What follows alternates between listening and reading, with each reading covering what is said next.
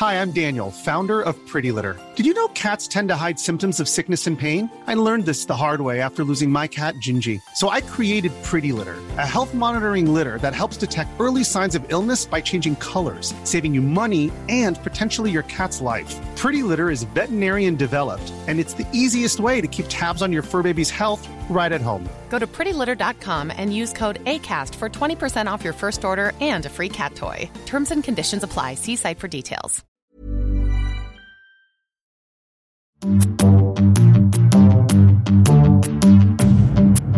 Välkomna till ett nytt avsnitt av podcasten Cyril och Stig. Podcasten produceras av Storyhood. Eh, dagens gäster är vi själva och vi tänkte prata om mänsklighetens historia utifrån ägarperspektiv och lite annat.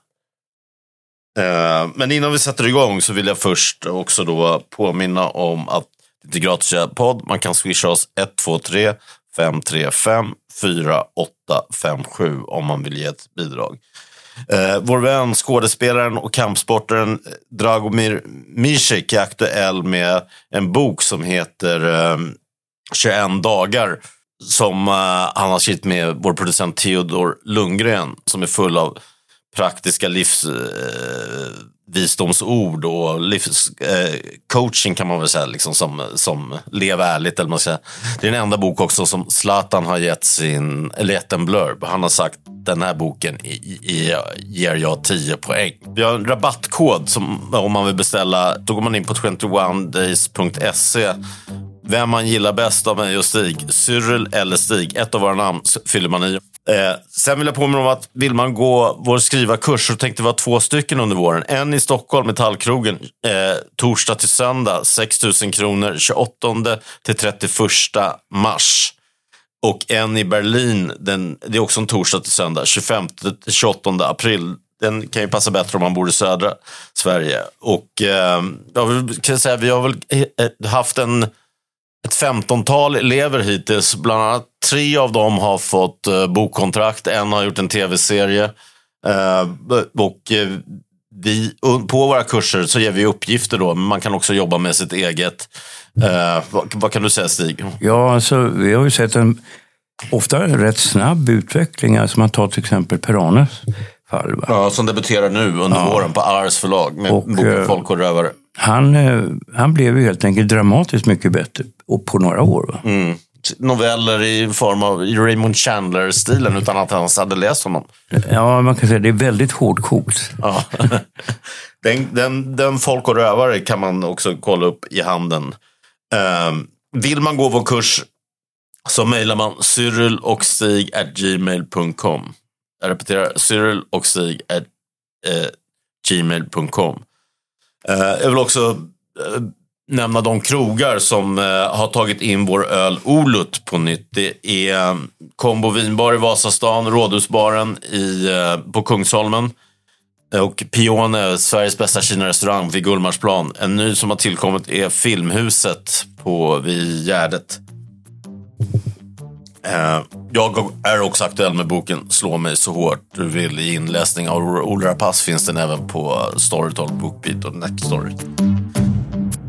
Ja, vi hade tänkt oss Alltså, vi skulle utgå från den här boken, ett, ett, tungt verk från Volante. Volante egentligen, de gör samhällslitteratur, lite höger, liberala känns det som, men framförallt vänstern älskar också den här boken. Början på allt heter den, en ny historia om mänskligheten av en, en socialantropolog och en arkeolog, David Greber och David Wengrove. Om den här boken har Noam Chomsky, vänsterns husgud, sagt. Det är en fascinerande bok som får oss att omvärdera människans förmågor och vår historias stoltaste ögonblick. Boken är såväl utmanande som upplysande. Vår vän Sigge Eklund har sagt, jag känner mig darrig och förvirrad och upplyst på en och samma gång. Världens bästa dagstidning, New York Times, har sagt Ambitionen är att omkullkasta allt vi trodde oss veta om människans ursprung och utveckling av vårt moderna samhälle. Den finns också på årets bokrea för 120 kronor såg jag. Ja, alltså jag var ju först väldigt tveksam. Jag, bör, jag fick den av dig, tror jag. Så började jag läsa den. Och eh, jag läste kanske 50 sidor och tänkte, men vad i helvete. Jag, tro, jag trodde liksom inte på det. Va? För eh, alltså, jag är väldigt allergisk mot eh, sån här vänsteridé om den ädle vilden och att det var så fint för. Jag har svårt att tro det. Va? Men sen är jag ju så intresserad av alltså lingvistik i meningen komparativ lingvistik, alltså hur språkgrupper är relaterade till varandra. Och det intresset har gjort att jag också har övergått till DNA-forskning, arkeologi och även klimatologi. Va? Alltså för de där grejerna hör ju ihop.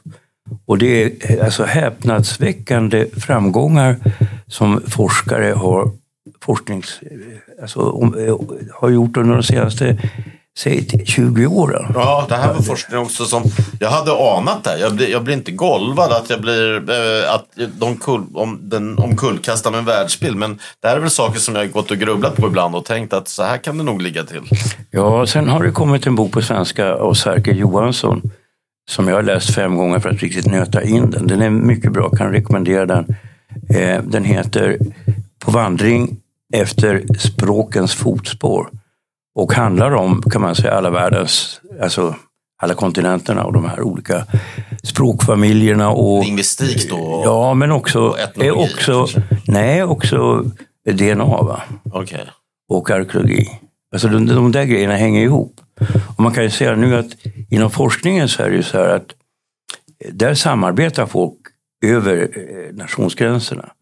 Alltså ryssar samarbetar med amerikaner, till och med taiwaneser med kineser. Alltså det finns liksom intresset för att komma fram till sanningen är så pass stor att det är, man struntar i det där med politik. Och var, inte, var det inte du som sa det, eller var det någon annan som sa till mig att Tor Heyerdahl, för våra unga lyssnare som inte vet vem det är, det var en, en norsk, eh, vad var han, socialantropolog kanske? Ja, äventyrare kan man Och även, framförallt äventyrare. Gjorde Kontiki en av mina favoritäventyrsböcker än idag. Eh, som riktar sig mer åt tonåringar kanske. Men den handlar om den här färden han gjorde på 50-talet. med Han ville bevisa att det funnits eh, sam, eh, handel och utbyte mellan då eh, Sydamerika och, och, Egypten. och Egypten och åkte i en vassbåt till, eh, till uh, Polynesien. Nej, men inte till, var, det till, var det inte till Amerika han åkte? Han skulle dit, men han hamnade i Tahiti i alla fall. Och där Nej. blev han som, det var en svensk med på den här som gjorde, eh, expeditionen som gjorde det har gjorts två filmer, spelfilmer om också tror jag, och en dokumentär. Det var en svensk med, socialantropolog med som stannade kvar där, dog för några år sedan och gjorde boken Ville Valle i Söderhavet. Ja, som där för övrigt Stellan Skarsgård debuterade. Han knä, nummer två till den rollen var just Sigge Eklund som vi nämnde. Hans pappa skulle, Jan Eklund. Så hade han fått rollen kanske Sigge Eklund varit skådis och inte poddar i Hollywood idag. som Stellans barn. Ja, ja, ja. Nej, men, men, alltså... men den, var väl du, den avfärdades Tor Heyerdahls teori av många sen och sa nu är det bevisat. Medans nu... Nej, det är inte alls bevisat. Alltså, det där stämmer inte helt enkelt. Man avfärdade honom då, men ja. idag ser man väl att det har funnits utbyte mellan Polynesien och Sydamerika? Nej, Nej det är, så, det är helt okay. fel. Det har du läst någonstans i någon, ja, jag vet inte vad, det är, det är helt ohistoriskt. Okej, okay. men i alla fall den här boken som vi pratar om, eh, Början på allt, en ny historia om mänskligheten. Den ansatsen är väl, den börjar ju med Hobbes och Rousseau och så här, och det är väl att den tar reda på och kollar upp det här med ojämlikhetens ursprung. Ja, alltså det är en enorm ambition och jag var tveksam till det på grund av att jag har svårt för sådana här enorma ambitioner. Det är samma sak med den boken som blev väldigt populär som hette Sapiens av någon som heter Harari eller något sånt där. Jag tittade lite grann på den och så la jag den ifrån mig för jag, gill, jag gillar inte sånt där. Det är bara personligt. Mm. Men alltså när jag tittade närmare på den så är det ju uppenbart att, att det, det, det, det fanns i de här, vad ska man säga, de här eh, sjöarna och Lake Huron och så. Du snackar, det är mycket kring nordamerikanska ja, stammar och indianer. Alltså gränsen mellan USA, och gränsen mellan, mellan eh, USA och Kanada är central. Va? Nordöstra USA. Eh, och där var det så att de det tillhörde ju då Frankrike. Va? Det kallades för Nya Frankrike. Och de hade ju då, eh, alltså det var ju så att, att vissa av de här indianstammarna, till exempel Wendat, som då kallades för Huron, eh, eh, samarbetade med fransmännen för att eh, de låg i krig mot irokeserna.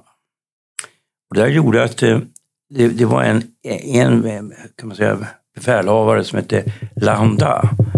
Eh, han, han var inte högst, han var, men han var militär. Va? Och han hamnade sedermera i en konflikt med, med franska staten. Eh, det är en lång historia som jag inte kan, jag kan gå in på. Mm. Det där gjorde att han flydde sen till Europa. Och han hade kontakt med en, en, en ledare för den här Wendat-nationen som hette Kondiaronk, eller något sånt där. Eh, och han skrev sen två böcker som var samtal med den här eh, ledaren för Wendat. Som kom att bli väldigt populära och gavs ut i början av 1700-talet. Och eh, den här, han levde som landsflyktig i, i Amsterdam först. Eh, för han kunde inte åka till Frankrike, även om han var fransman. Och väldigt fattig. Sen så, fick han, så åkte han till Hannover och fick visst beskydd där genom Leibniz. Så han blev nära vän med Leibniz. Och hans bok hade stort inflytande över de här, eh, alltså även över, inte bara Rousseau, utan även många andra upp, upplysningstänkare. Mm. Eh, och det är de här diskussionerna som de har eh, mellan där Lahonta och den här Kondiaronk. Eh, jag tror att han heter så. Eh, och jag, alltså, när jag läste om det så läste sen också fortsättningen, för han kommer tillbaka till det, eh, den här, kan man säga, just de här stammarna. Va? Så visade det sig att tidigare, det är inte så att det från början var jätte, jättebra. Va?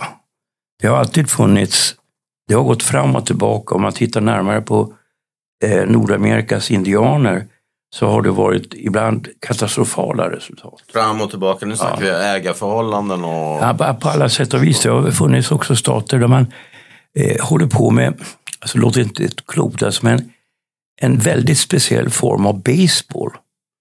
Eh, med väldigt tunga bollar. Det, men du har ju fortfarande lacrosse som mina ja. lumpapolare spelade. Det är ju som en innebandy där du kastar in hov. Ja, och, de här... och jag har också skrivit om basket kom fram på medeltiden i Amerika och då var det ju att man då var det avhuggna huvuden man, man, man, ja, man kastade i korgar. Många av de här indiankulturerna var ju synnerligen eh, blodiga, blodtörstiga. Men, men, bara, innan du, så jag vill bara så att vi inte vill, kommer ifrån det här med liksom syftet med boken.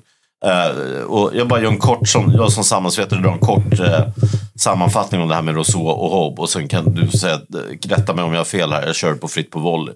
Att, att då har ju då Hobbes uh, bok, den här Leviatan, Le som, Leviatan. Leviatan som kom 1651. Där han menar då att människan är, är, egoistisk. Att, att det är därför, det är inte alls något så här eh, har funnits något eh, harmoniskt naturtillstånd och sådär. Och det har gjort att det har uppkommit stater och sånt. Den här är grundläggande i statsvetenskap. Men det är också liksom en sån bok som hö, många menar att höger och konservativa bildar sin filosofi medan vänstern, och det ligger kvar än idag, jag tror det var Anders Stopendal eller någon kompis som sa med att liksom, Göran Greider när han då pratar om det här, när han sjunger en liten fredssång och, och, och, och tycker sig veta bättre än vår ÖB om hotet från Ryssland. Då har ju inte det med att och, och bli driftkuck och då har ju inte det med att Göran Greider är dum i huvudet utan han går tillbaka, han, han grundar sin socialistiska filosofi på det här med Rousseau om den tankarna på den ädle vilden. Att det liksom, och det, det hade man fått upplysningen på den här tiden i och med upptäckten av Amerika. Så det, det är ju några presidenter och sådana, om det är Benjamin Franklin eller några som sitter och skriver. De har studerat vildar. Som vissa har då en, en västerlänning, ungefär som den här Truffaut-filmen. Då har en, en, en, vit människa vuxit upp med indianerna. Och sen har man sett när han får välja, när han, när han får, mm. och kommit i kontakt med, med, med med civilisationen igen. Då har han velat bo kvar hos indianerna. Men även de som var tvärtom, att en indian hade fostrats av vita när han fick välja och man vill gå tillbaka till indianerna efter några provveckor, då vill han mycket hellre vara med indianerna. Så det var ju något så här om den, och det, och det i kombination med att engelsmän och fransmän som kom till Europa på 70, och var födda i den nya världen, nya Amerika, och kom till Europa såg ju att för Amerika var ju stort, det fanns ju en annan frihet där. Det var friheternas land, liksom, som eh, de kallar det än idag. Men då var det verkligen det, för när de kommer till Europa och ser vad bråkar alla om här i England och Frankrike och Tyskland. Ja, det är ju pengar och vad krigar de om? Det är pengar och det, det, det, det är ju det som det handlar om, tror jag lite då. Att, uh, det här med tanken på... Ja, det, det. Jag kan ju berätta Ja. en, en privat historia som jag faktiskt aldrig har berättat. Den första bok som verkligen gjorde intryck på mig. Jag lärde mig att läsa när jag var fyra fem Va? Så jag måste ha varit tre fyra år. Jag lärde mig skriva när jag var fyra. Ja, ja, nej men alltså, eh, min mamma läste för mig en indianbok som hette Överlöparen. Och den handlade om en vit kille som blev kidnappad av indianer och växer upp och blir indianhövding. Och hon läste den och till slut så blev han ju tagen tillbaka av de vita. Och så slutade boken. Och jag grät varje gång mamma läste den här boken. Och så ville jag att hon skulle läsa den igen. Hon läste den tre gånger. Och så sa hon, men varför ska jag läsa någonting när du hela tiden börjar gråta? Och det där gjorde så starkt intryck på mig att jag ville bli indian. Och det gick så långt att jag hade problem med min hårfärg. Jag var alldeles vithårig. Va? Lintott. Och då, jag ville vara mörkhårig. Och då sa de, ja, du kommer bli mörkare med åldern. Så här, du vet. De flesta blonda blir ju det, lite mörkare. Och jag tittade mig i spegeln och jag hade ju inte sett någon förändring alls. Och när jag började skolan då så, mina föräldrar var ju oerhört vänliga och snälla och så förstående. Så fick jag dem att gå till min klassföreståndare och förklara att jag inte var tvungen, jag var inte tvungen att dricka mjölk. Jag var inte tvungen att äta rödbetor och jag var inte tvungen att sjunga nationalsången. Jag ville egentligen sjunga den amerikanska nationalsången. Mm. Det här är ju ganska pinsamt. Det är fint. Eh, Nej, men alltså, när jag sen var kommunist Särskilt det med Henriksson. ja, nej, men alltså, när jag var kommunist så, det här var ingenting jag snackade om. Va? Sovjetiska också fint. Den har de tagit Ja, tillbaka. ja nej, men alltså, jag höll ju då, inte på Sverige, jag höll på USA och Kanada. Det är skamligt tycker jag nu. Va? Och det, det satt i så länge, framförallt höll jag på sydamerikanska lag. Att ända fram till 82, i all hemlighet, jag höll ju käften om det, jag sa inte ja när de gjorde mål. Men egentligen så höll jag, alltså nu är jag ju nationalist. Men det tog mig till att jag var, fan, jag var hur gammal var jag då? Jag var 27 år. Va? Det, det, det, det, den här boken tar ju inte upp något i musik, men det här gick jag och, och grubblade på igår. Kanske efter att ha läst den. Men jag tror att det grundade sig att jag lyssnade på en afrikansk låt som heter Sugar. Från, man kan googla det på Spotify. Från någon nigeriansk musiker som lät så glad. Och då tänkte jag på att eh, samban är ju också glad. Men bluesen är ju mest det, det, det mest sorgsnaste. Så de här från Afrika, då, Benin och de här länderna som blev slavar i Amerika. Det måste blivit att de slavarna som kom till Nordamerika måste blivit väldigt ledsna då. När de, efter, det, det hör man i bluesen då. Medan de som kom till Sydamerika måste blivit behandlad, haft det bra där i Sydamerika. Det hade de definitivt inte. Nej, Okej, det var en amatöranalys. Men, men, men, men den här boken, den vill, som sagt, den har lite för höga anspråk. Den, det, det, mer med den här med ädle vild, den går in på, på vår syn på samlare och jägare och sådär också. Och ädla vilden. Och den vill väl visa att det har inte varit så snävt som man tidigare trott. Nej, det har ju numera bevisats också att, att det finns ju kulturer där man har gått från att vara, från att ha bara jordbruk va? Ja. till att övergå till, till det. Beror lite grann på, på naturen. Men ja, det är väl så, lite som idag, som att eh, Leif GW och Anders Borg går ut och jagar i jaktlag med sina kompisar när det är säsong för att jaga. Ja. Jo, nej, men alltså, man kan säga så här att människan har ju alltid, har alltid velat överleva. Va? Det fanns ju fördelar med att, kan man säga, eh, förfina de här örterna och och de här gräsen som man samlade. Grödor och så. alltså grödor. Och så räknade man ju också ut hur man skulle göra då. Det tog ju säkert en väldigt lång tid. Eh, och det är klart att man kunde mätta en större befolkning på det sättet. Och så har man väl bott också vid floder som Tigris och, och så här. Ja, där, och där de har liksom periodiska översvämningar och du får liksom sån här le- lera som det växer väldigt bra i. Va? Ja, och leran kan de göra kärl och allt möjligt i. Ja, sen du har ju, du har ju samma sak. Om du tar i Kina har du då Gula floden och du har eh, Yangtze. Va? Eh, Huanghe och Yangtze. Det är, det är ju alltså, utmärkt att odla och det har ju människor har ju, har ju funnits där vid flodstränderna i tusentals år. Mm. Alltså, eh, Det var någonstans, det var, förutom det här att de tog upp de här då för kring, i norra USA och Kanada så var det mycket kring stammar i Kalifornien och några i Florida. Ja. Jag kommer inte ihåg, det var några som, som, var, som jag tyckte var rolig. Den, där pratade de om skillnaden mellan könen. Det var någon av de här 1800-talsforskarna då som hade tittat och sett att eh, eh, skillnader, ja, det som idag, eh, så här, genusforskare och sånt, som vissa menar att det inte skulle finnas skillnader.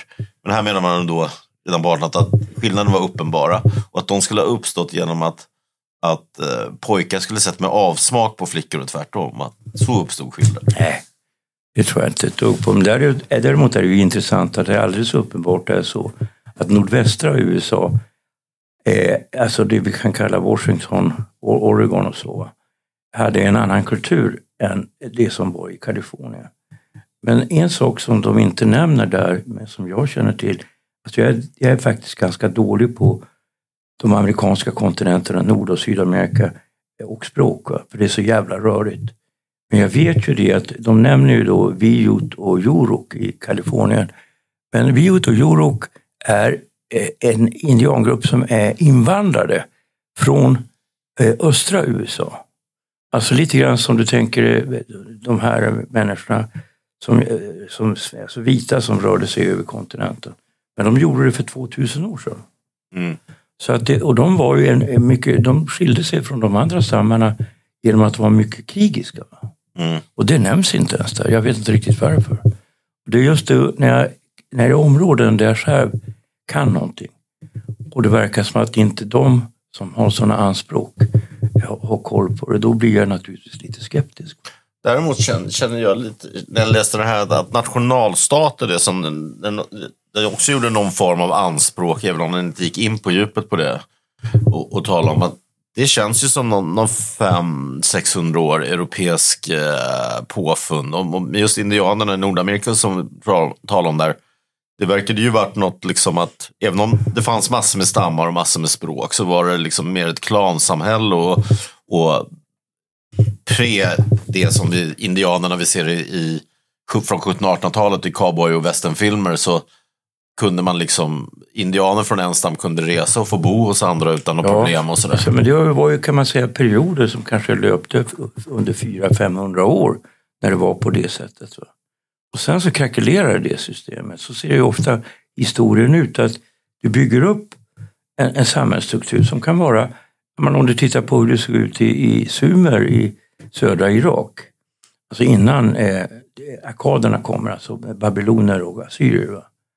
Du hade den här Sumer-nationen, de som talar sumeriska.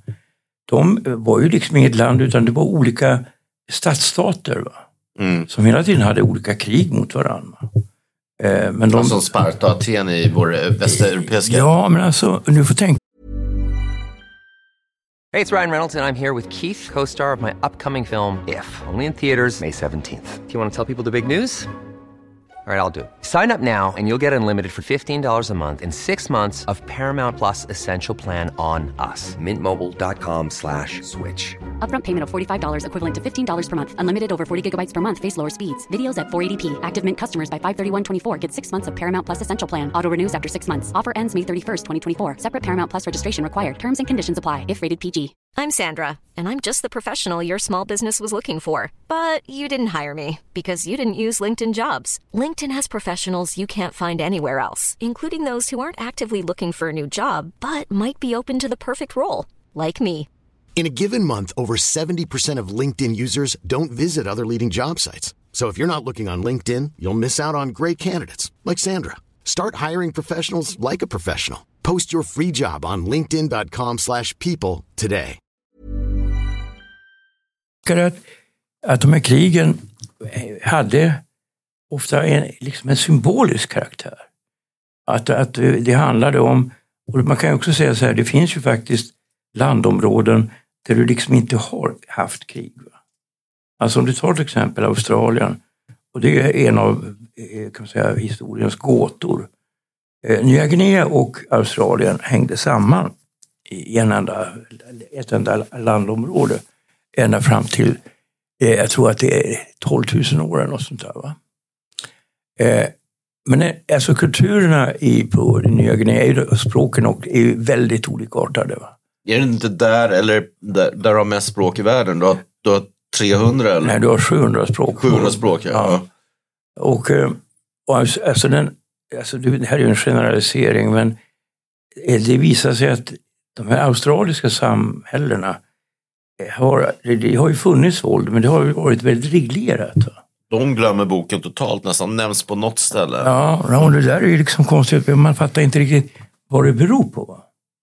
Eh, varför, och det finns ingen relation mellan de australiska eh, språken och de språk som talas i Nya Guinea.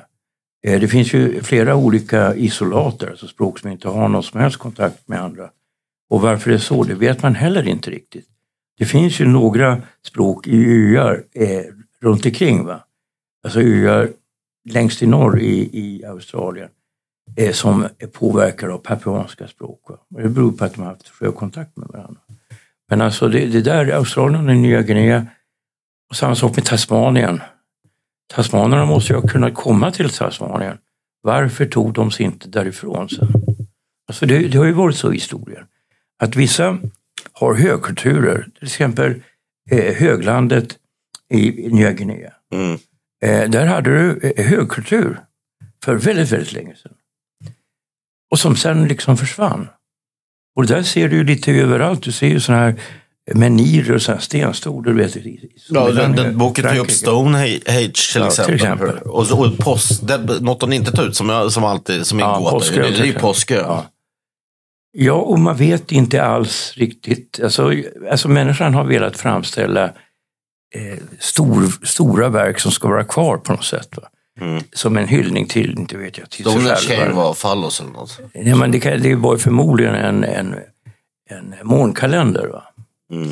Alltså det, just det där med astronomiska iakttagelser verkar ha varit häpnadsväckande eh, utvecklat i väldigt många kulturer. Ja, det är ju så jag tror att de kom poly, alltså från Tahiti till Hawaii, polyneserna. De, de styrs väl av stjärnorna, måste de. Ja, de styrs av stjärnorna. För annars skulle de inte bara kastas ut i vattnet. Ja, alltså det, men det är ju en väldigt. Det hände ju då, eh, alltså på östra Taiwan hade du flera olika stammar som man kan säga kallar för eh, ur, eh, ur eh, malayopolyneser. Och de, eh, för ganska länge sedan, för 3-4 tusen år före Kristus, så börjar de, eller ungefär 3000 år före Kristus tror jag, så börjar de sprida sig. Va? De kommer ursprungligen, eh, enligt DNA på fossil, så kommer de från Kina. Va? Och man tror också att det finns någon typ av connection med thai kadai språk och de här. Alltså, och det har kommit fram genom en, en, en thailändsk lingvist som heter Vera Ostapirat. Eh, och det har skett nyligen på 2000-talet. Jag eh, har ju läst det och det är faktiskt väldigt övertygande. Det är en ganska komplicerad historia. Men den här lilla gruppen människor lyckades bygga eh, utomriggar, eller hur man uttrycker det, och ta sig, alltså från början måste de ju ha tagit sig rakt ut i ingenstans. Men av drift av någon form av äventyrslusta, eller man vet inte vad, så lyckades de till slut hitta eh, platser. Först hittade de längst norrut i Filippinerna. Va? Och sen måste de ha tagit sig tillbaka för att föra ut budskapet så att säga. Ja, ja, det tror man också. Men man, det vet man inte så noga om. Va?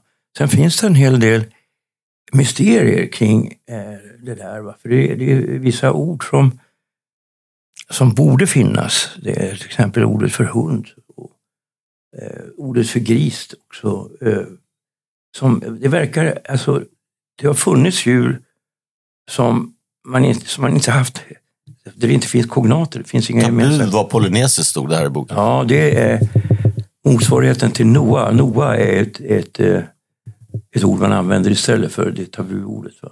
Mm. Och det där är ju... Det, På vilket språk? Ja, alltså det är ju så i en massa språk. Ja, no, ja. Okej, okej. Mm. Det har ingenting med, med gubben Noa att göra. Eh, det är ju också så i, i bantuspråk i Sydafrika till exempel, men även uppe i, alltså ända upp i Kongo, Centralafrikanska republiken och så. Och i, i, eh, i, vad heter det, Nigeria. Att du har eh, att du är vissa saker som du inte vill säga. Lite grann som eh, man inte ska ropa på vargen. Va? Mm. Eh, och eh, och man, har- man har liksom vissa ord för att täcka ord, för det betyder otur att nämna dem. Mm. Eh, jag vet, har, har du besökt några högkulturer? Alltså jag, jag har besökt då, under mina år i Kambodja såklart och Angkor Wat. Och sen när jag var liten med min pappa, aztekernas där i, i eh, eh Mexiko. Det, det, man blir ju, och sen Egypten har jag varit, pyramiderna. Man blir ju uh, verkligen knockad när man ser det där och undrar ja. hur, ser att det har varit en högstående här.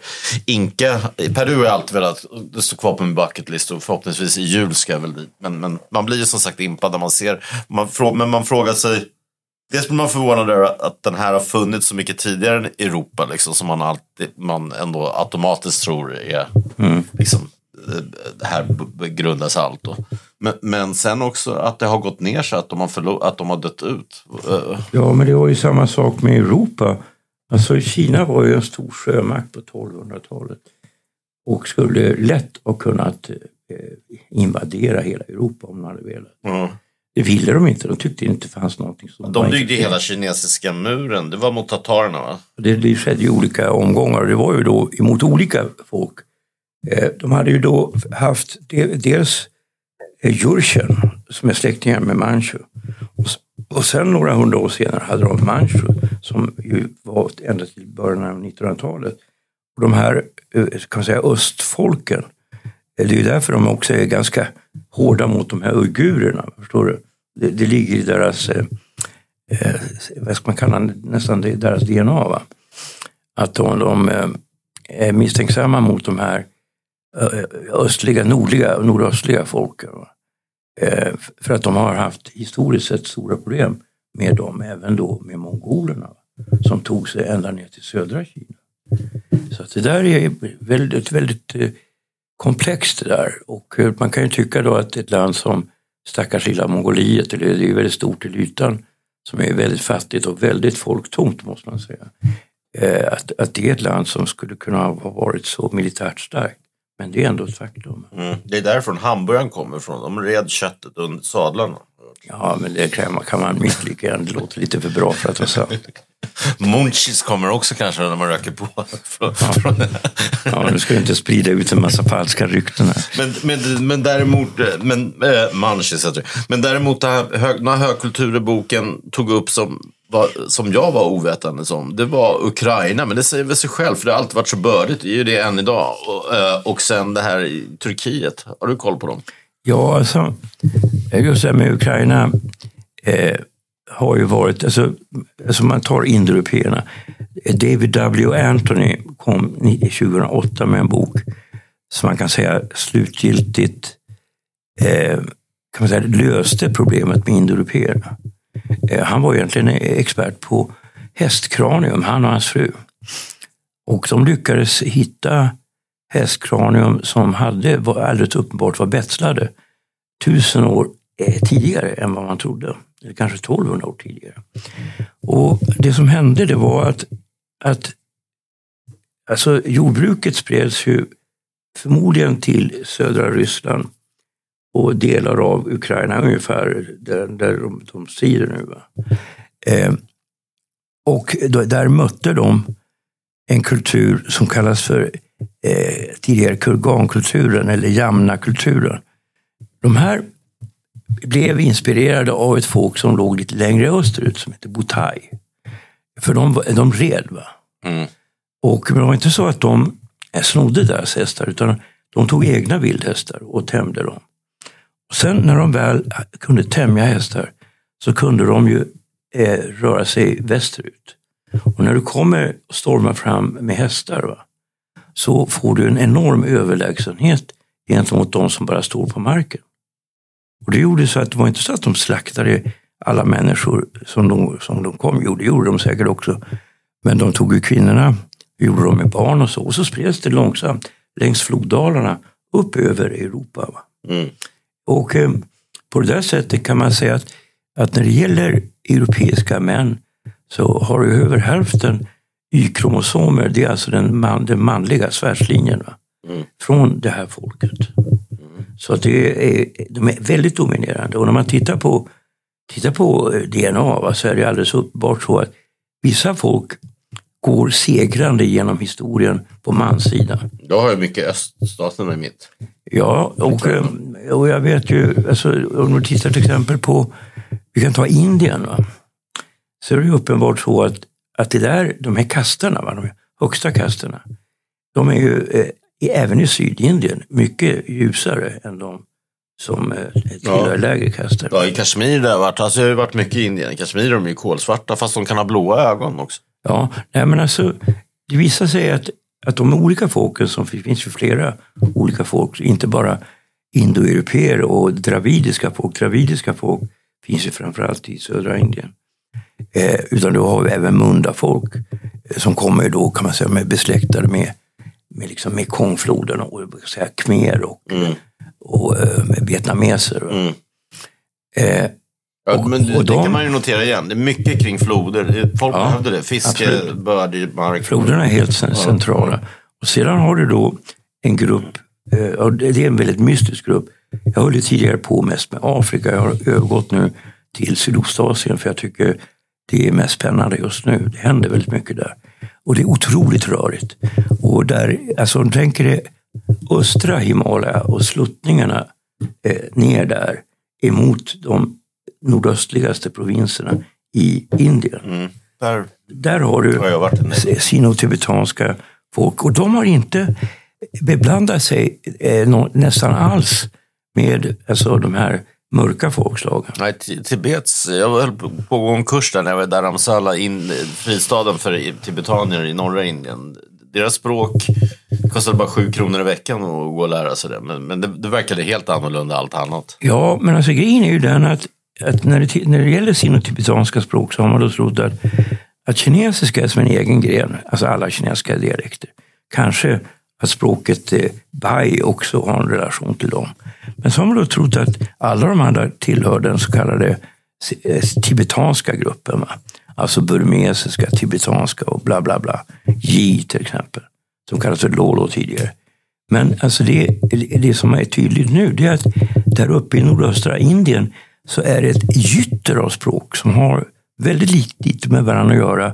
Och det verkar vara därifrån som de kommer. Och att sino-tibetanska är otroligt gammalt språkfamilj. Mm.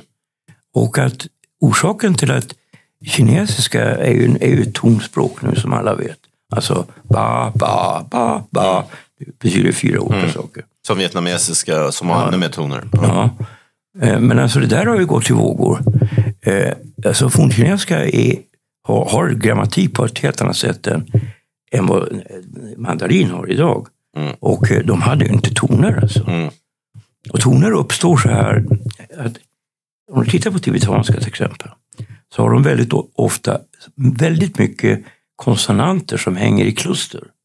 Lite grann som nordvästkaukasiska språk och nordöstkaukasiska, även eh, georgiska, kartveliska.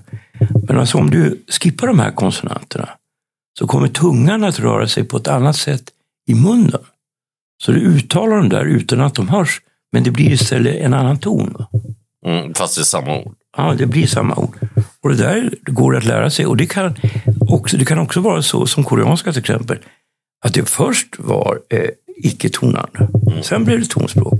Sen blev det icke-tonande. Fast det där Sen har ju det vi också. Du har ju den här gangsterfilmen eh, med Donnie Brasco när, när polisen frågar honom, vadå, get out, get out of here, get out of here, get out. Att det kan betyda olika på hur du säger. Ja, men det är inte riktigt samma sak. Men vad var jag skulle säga? um, eh, Men Ukra- U- hade vi något mer kring de här Ukraina? När var den här Ukraina, den där högkulturen? Ja, men det var ju väldigt länge sedan och den var ju då, ja vad ska man tro, alltså, det är nog, säg 6000 år sedan och så. Men när jag pratar här, jag trodde att vi kanske, att det var kanske, att det är så många svenskar som har band också genetiskt. Men det är, lo- det är mycket senare. Det är handlar om. senare, ja. Det är bara ett land emellan. Boken är ju inne lite på det här med matriarkat, men verkar ändå lite skeptisk till det. Att det skulle inte funnits så många. Nej, alltså, alltså den flörtar ju väldigt mycket med kvinnorörelsen som vanligt. Och, de talar där om den fina kulturen där, eh, du vet, på Knossos. Så det fanns ju en, väldigt betydelsefull litauisk, eller sovjetisk, eh, antropolog eh, som heter Maria Gimbutas. Eh, Hon dog ju då på 90-talet tror jag. Men hon har väl varit en föregångare till den här teorin som David. Anthony har. Alltså det, det var andra kulturer som var, eh, alltså de, jag vet inte om de var matriarkat, men eh, de var inte alls lika krigiska som den här eh, jämna kulturen. jämna Men, kulturen. men tror du inte att det här att vårt behov av att prata om matriarkat också, att, att det är lite så här för män? För att för män blir det ju, dels eh, tycker man ju som man att det låter väldigt läskigt att alla kvinnor skulle bestämma. Men sen har man en annan bild den här med, från myteriet på Bounty när Marlon Brando kommer till Söderhavet och kvinnor bara kastar sig över en och bestämmer och i natt ska vi ha sex, den och den och den. Ja, ja, hur sant är det? Men, alltså, nej, men jag tror, jag tror så här att, att det finns ju makt på olika områden. Det är ju väldigt vanligt att kvinnor, är, alltså om du reser omkring i världen, har väldigt mycket indirekt att säga till om när det gäller familjen. Ja, hushållet. Om du, jag, jag tänkte på det när, i min egen bok Mitt mörka hjärta med Hawaii, den här gangstern som jag skildrar. Det är ju mormor som kokar crack och liksom, eh, frun håller i pengarna och så, så ser det ut även i, hos hedliga människor även i Sverige tror jag. Ja, ja men alltså, kvinnorna har, har inte alls alltid varit utan makt. Alltså, det kan man inte säga. Att jag ens gjorde militärtjänst själv, det tror jag handlade om, det var, det var ju mamma som pushade mig att göra och det tror jag, trodde jag, tror jag handlar, trots att hon var från liksom, eh, liksom 68 och rörelsen, så här, det handlar om att hon ville se sin son i, i uniform. Ja, man kan också säga så här att krigen, framförallt eh, första världskriget, handlar om att kvinnorna hetsade männen till att gå ut i krig. På sätt gjorde de? Ja, alla vita näsdukar vid tågen.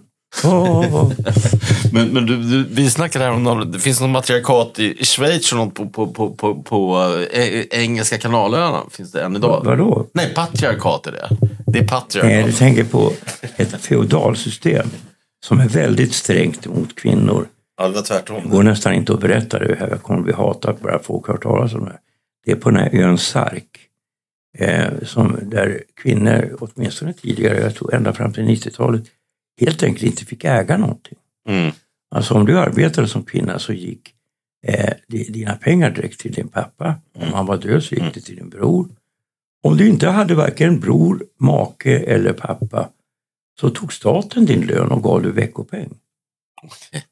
Eh, om vi ska ta avrunda här, slutligen alltså boken som då eh, vad den kom fram till i fråga om det här med Rousseau och den ädle vilden, det var väl ändå att den här synen på den ädle vilden, det kan ha varit liksom synen på den dumme vilden, det, det Rousseau menade där med att, att det fanns mycket smartare vildar i, i civilisationer innan och tidsepoker och så. Alltså man må- måste säga så här va, att när det gäller Rousseau, det är samma sak när det gäller Marx, så eh, beskriver de ju inte någonting som de uppfattar som en direkt verklighet. Utan de, de beskriver ju, kan man säga, typfall. Mm. Eh, och det här med urkommunism och så, det är ju inte så att de säger att där var det urkommunism och så. Och det är inte heller så. Eh, man missförstår ju då. Jag läser Jan Myrdal och Lars Gustafssons bok Den onödiga samtiden. Jag läser om den, jag har läst den flera gånger tidigare. Men den är väldigt rolig därför att där går de ju in på att man kan inte anklaga Marx för det ena och det andra för han var ju medveten om det själv. Han sa, uttryckte sig ju så här, ja man får kalla mig vad som helst men inte marxist.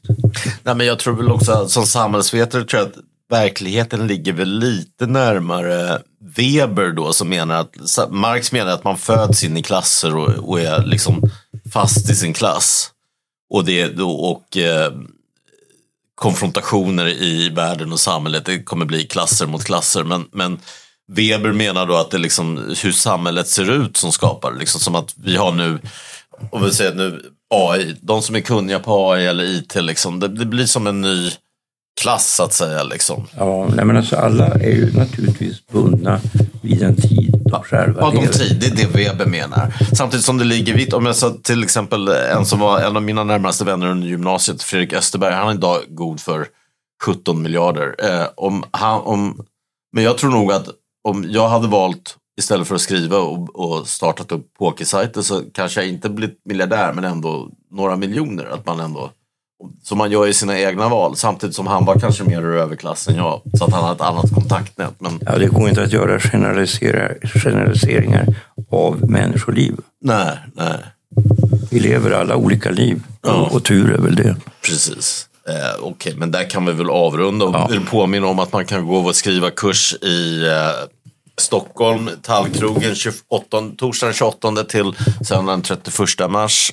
Eh, eh då mejlar man cyril och stig gmail.com. Kostar bara 6 000 kronor. Vill man gå den i Berlin månaden efter, 25 till 28 april, mejlar samma adress cyril och stig gmail.com. Och vill man gå vår vän Dragomir Mirsiks eh, kurs, som också Zlatan rekommenderar starkt, då loggar man in på 21 days, eh, siffra då, 21 days, 21days.se. Rabattkod Cyril eller Stig, vem av oss man föredrar.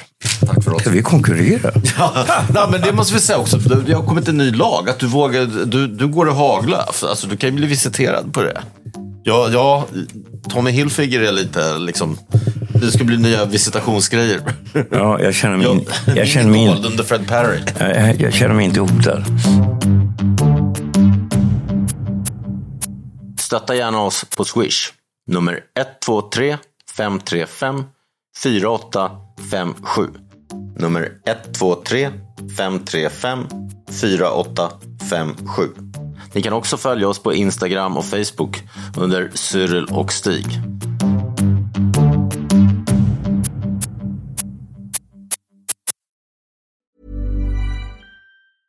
Hey, it's Paige DeSorbo from Giggly Squad. High quality fashion without the price tag. Say hello to Quince.